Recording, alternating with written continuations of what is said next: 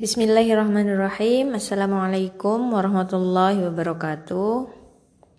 Hari ini kita masuk ke pertemuan ketiga mata kuliah legal drafting.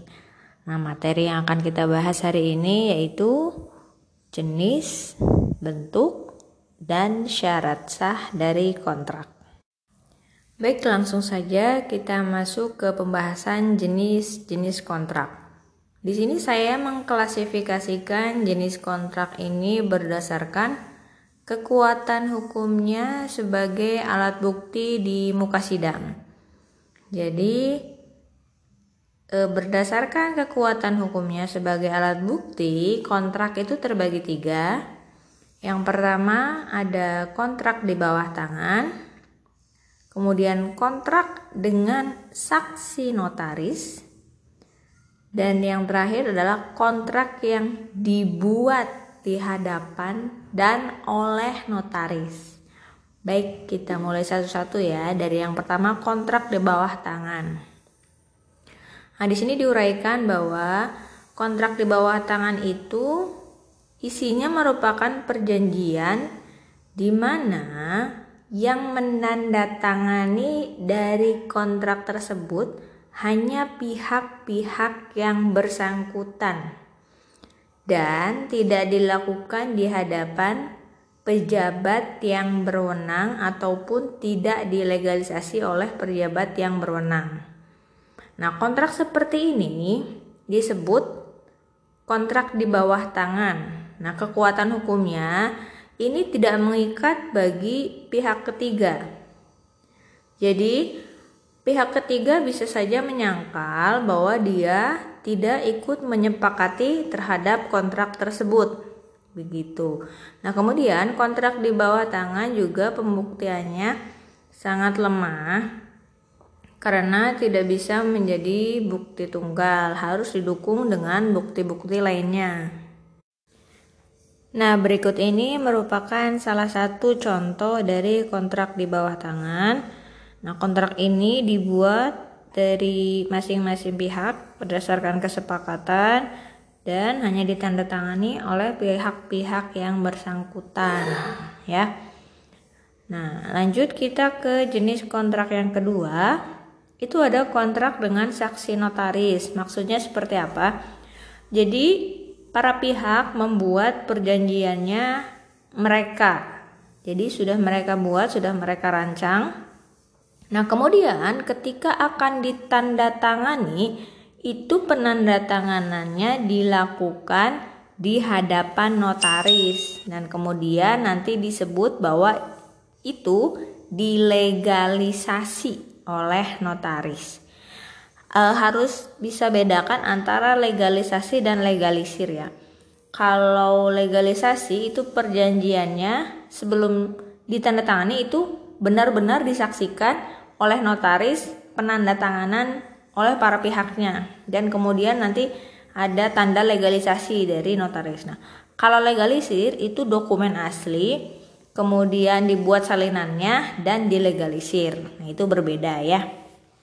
Nah, perjanjian ini guna menjamin kebenaran dari tanda tangan sebagai bukti kesepakatan para pihak. Nah, dengan ini maka nanti notaris sebagai tambahan dari perjanjian tadi bisa menjadi saksi atas alat bukti tersebut. Nah, meskipun ini dilakukan di hadapan notaris, tetapi e, dokumen ini masuk pada kategori akta di bawah tangan karena tidak dibuat oleh. Nah, sedangkan jenis yang ketiga ini kontrak yang dibuat di hadapan dan oleh notaris barulah ini yang disebut dengan akta autentik yang dapat menjadi bukti atau alat bukti sempurna yang kebenarannya tidak dapat disangkal, memiliki e, kekuatan hukum yang sempurna. Nah, klausulnya seperti apa? Biasanya untuk e, surat perjanjian yang dibuat oleh dan di hadapan notaris, nanti klausulnya akan seperti ini Nah, ini menghadap kepada saya siapa para pihaknya, kemudian e, notaris tersebut menyebutkan identitasnya, baru kemudian identitas para pihak. Nah, itu tadi e, macam-macam surat perjanjian berdasarkan kekuatannya sebagai alat bukti di muka hukum. Nah, kita lanjut ke bentuk-bentuk kontrak. Nah, bentuk-bentuk kontrak ini referensinya saya ambil dari Perpres nomor 16 tahun 2018. Ini tentang pengadaan barang dan jasa.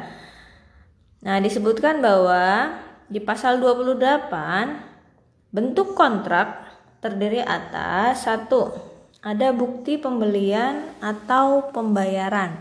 Kita biasa nyebutnya struk pembelian. Nah, jadi jika dalam mindset kalian bahwa selama ini kontrak itu harus berupa e, perjanjian yang ditandatangani oleh para pihak itu lebih luas daripada itu. Jadi tidak hanya kesepakatan itu tidak hanya dinilai dari penandatanganan para pihak karena bentuk kontrak itu tidak hanya surat perjanjian. Nah, tapi ada juga ini. Nanti kita akan bahas tentang teori kesepakatan. Jadi eh, keadaan apa saja yang bisa menjadi sebuah tolak ukur terjadinya kesepakatan. Nah, ini pertama ada bukti pembelian atau pembayaran struk tadi. Nah, bukti pembelian atau pembayaran itu bisa digunakan sampai dengan nilai paling banyaknya 10 juta rupiah. Nah, kemudian yang kedua ada kuitansi.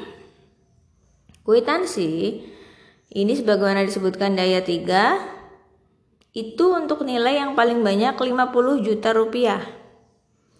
Kemudian SPK, surat perjanjian kerja, itu paling banyak 100 juta rupiah untuk jasa konsultasi, sedangkan untuk pengadaan barang atau jasa lainnya itu 200 juta rupiah.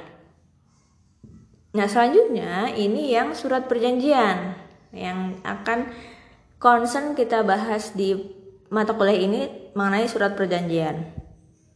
Nah, surat perjanjian ini nilai paling sedikitnya 200 juta itu untuk suatu pekerjaan atau pengadaan barang.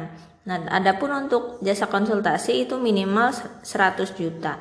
Nah, ini tidak ada batasan maksimum, hanya ada batasan minimum. Jadi, bisa saja berapapun nilainya dibuat dengan surat perjanjian.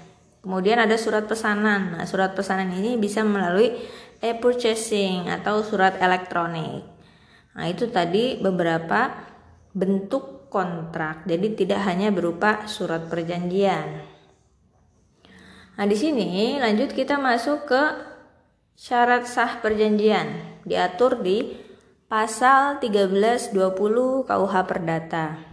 Ada empat syarat sah. Nah, di sini saya bold kata-kata um, kunci dari setiap syarat tersebut untuk memudahkan kalian memahami dan mengingatnya. Yang pertama ada kesepakatan antara para pihak. Nah, kesepakatan itu jadi kunci utama.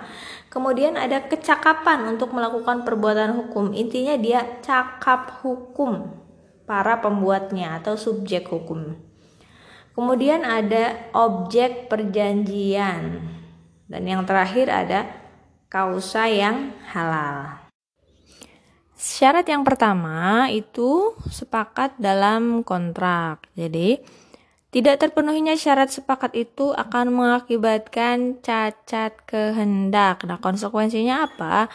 Apabila tidak terpenuhi syarat sepakat tadi, maka kontrak itu dapat dibatalkan oleh pihak yang merasa dirugikan atas adanya kontrak tersebut. Nah, dapat dibatalkan ini bagaimana caranya dengan mengajukan gugatan ke pengadilan untuk membatalkan kontrak tersebut. Nah, cacat kehendak itu bisa disebabkan karena beberapa hal, di antaranya satu, kekhilafan, kemudian paksaan, dan terakhir penipuan. Jika dalam pembuatan atau perancangan kontrak tersebut mengandung salah satu atau lebih dari unsur-unsur cacat kehendak tadi, maka kontrak tersebut dapat dibatalkan. Berarti kesepakatannya tidak tercapai. ya. Nah, ini yang saya sebut tadi teori terjadinya kesepakatan. Ada beberapa teori, lebih dari ini saya sebutkan empat saja di antaranya. Pertama ada teori pernyataan. Nah, ini misalnya kalian e, bekerja sama atau kalian mendapatkan tugas untuk melakukan satu pekerjaan. Nah, tidak ada surat perjanjian di antara kalian berdua, tapi anda sebagai pihak pelaksana membuat surat pernyataan untuk melaksanakan sebuah pekerjaan. Nah, maka itu dapat dianggap bahwa orang tersebut sudah sepakat terhadap apa yang dikehendaki oleh dua belah pihak. Nah, kemudian ada teori offer and acceptance. Offer itu menawarkan, penawaran dan acceptance ada penerimaan. Nah, kalau di negara common law itu ketika mau membuat kontrak ada pihak yang menawarkan terlebih dahulu. Nah, kemudian baru pihak yang B menerima dan setelah itu barulah kedua belah pihak membuat kontrak seperti itu. Nah, itu dapat dikategorikan sebagai sebuah kesepakatan jika pihak A mengirim penawaran kemudian pihak B menjawab Oke, setuju, maka itu bisa dijadikan dasar kesepakatan. Kemudian yang ketiga, teori pengetahuan. Nah, ini biasanya untuk hal-hal yang nilainya atau nominalnya tidak besar. Contohnya, misalnya kalian jual beli di warung. Itu kan tidak ada bukti apa pun, tapi kalian saling mengetahui bahwa jual beli yang kalian lakukan itu adalah sepakat. Jadi kalian sepakat untuk membeli sebuah barang dan pembelinya pun sepakat untuk menjual. Keduanya saling menunaikan hak dan kewajiban gitu. Ya, jadi yang pembeli e, memberikan bayaran ke penjual, penjual memberikan barang ke pembeli begitu. Nah, kemudian teori kepercayaan.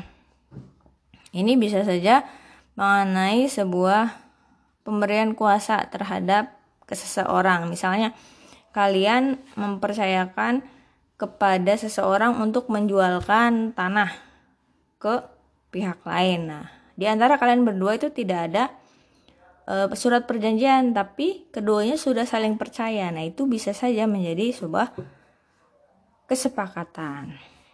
Baik, itu tadi e, teori terjadinya kesepakatan. Selanjutnya, cakap hukum bagi para pihak. Sama dengan kesepakatan tadi, apabila pihak yang membuat terbukti tidak cakap hukum, maka kontrak dapat dibatalkan. Nah, orang-orang yang seperti apa saja yang cakap hukum dalam KUH Perdata diatur secara negatif. Tidak disebutkan siapa saja yang cakap hukum, tapi disebutkan siapa saja yang tidak cakap hukum. Berarti selain yang disebutkan dari e, poin-poin ini adalah orang yang cakap hukum. Nah, pertama siapa? Pertama ada anak yang belum dewasa. Jadi anak yang belum dewasa itu tidak cakap hukum. Nah, ukuran dewasa ini berdasarkan apa? Ukuran yang pertama yaitu berdasarkan umur sesuai yang diatur dalam peraturan perundang-undangan. Misalnya, untuk kalian dapat eh, memberikan hak suara dalam pemilihan umum, itu batasan umurnya berapa? Nah, diatur dalam undang-undang eh, pemilu. Itu batasannya ketika seseorang memiliki kartu tanda penduduk 17 tahun. Nah, tapi berbeda ketika kasusnya adalah e, melaksanakan sebuah pernikahan. Nah, diatur dalam UU perkawinan itu nilai atau batasan umurnya lebih tinggi, bukan 17 tahun ya. Tapi 21 tahun. Nah, itu maka berbeda untuk menentukan umur ini harus dilihat tentang perbuatan hukum apa yang akan dilakukan oleh pihak tersebut. Kemudian, orang di bawah pengampuan. Nah, awas ini mungkin ada yang masih asing dengan istilahnya. Ini pengampuan bukan pengampunan ya. Jadi kalau pengampuan itu orang-orang yang tidak mampu untuk melakukan perbuatan hukumnya sendiri. Nah, orang yang dalam atau di bawah pengampuan ini itu orang yang sudah secara umur masuk ke kategori dewasa, tapi dia tidak mampu membuat atau berbuat uh, tindakan hukum secara pribadi. Nah, orang-orang seperti ini contohnya apa? Misalnya orang-orang yang dengan cacat mental atau eh, orang-orang dengan tingkat intelektualitas yang sangat minim atau contohnya misalnya seperti Down syndrome, eh, autisme. Kemudian orang-orang yang tidak mampu mengendalikan keinginannya dalam arti di sini adalah keborosan yang sangat luar biasa. Nah, dia ketika akan melakukan perbuatan hukum harus diwakilkan oleh walinya. Nah, tidak boleh dia sendiri yang melakukan perbuatan hukum tersebut. Itu orang yang di bawah pengampuan. Nah, terakhir, orang yang dilarang oleh undang-undang melakukan perbuatan hukum tertentu. Contohnya yaitu narapidana yang berada dalam tahanan dia tidak bisa melakukan atau tidak diperkenakan untuk melakukan beberapa perbuatan hukum dengan statusnya sebagai narapidana. Nah, dua syarat tadi itu masuk ke dalam syarat subjektif. Nah, kita masuk ke syarat yang ketiga tentang objek perjanjian, maka ini berkaitan dengan syarat objektif. Konsekuensinya, apabila syarat objektif itu tidak terpenuhi, maka kontrak itu batal demi hukum. Artinya apa? Ketika sebuah kontrak batal demi hukum, maka dia tidak memiliki kekuatan hukum. Tidak ada perlindungan hukum bagi para pihak yang eh, terlibat dalam kontrak tersebut. Nah, objek dari perjanjian ini tentunya harus merujuk pada objek hukum perdata. Nah, objek hukum perdata itu diatur dalam pasal 499. Disebutkan bahwa objek hukum perdata adalah segala sesuatu yang berada di dalam pengaturan. Nah, jadi benda itu sudah diatur di peraturan perundang-undangan. Nah, kalau untuk hukum benda diatur di Kitab Undang-Undang Hukum Perdata itu ada macam-macam benda, ada benda bergerak, benda tidak bergerak. Nah, itu harus masuk ke dalam e, pengaturan tersebut.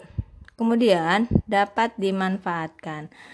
Dapat dimanfaatkan itu artinya berarti dia memiliki e, nilai materi artinya bisa dikonversikan dalam bentuk e, uang.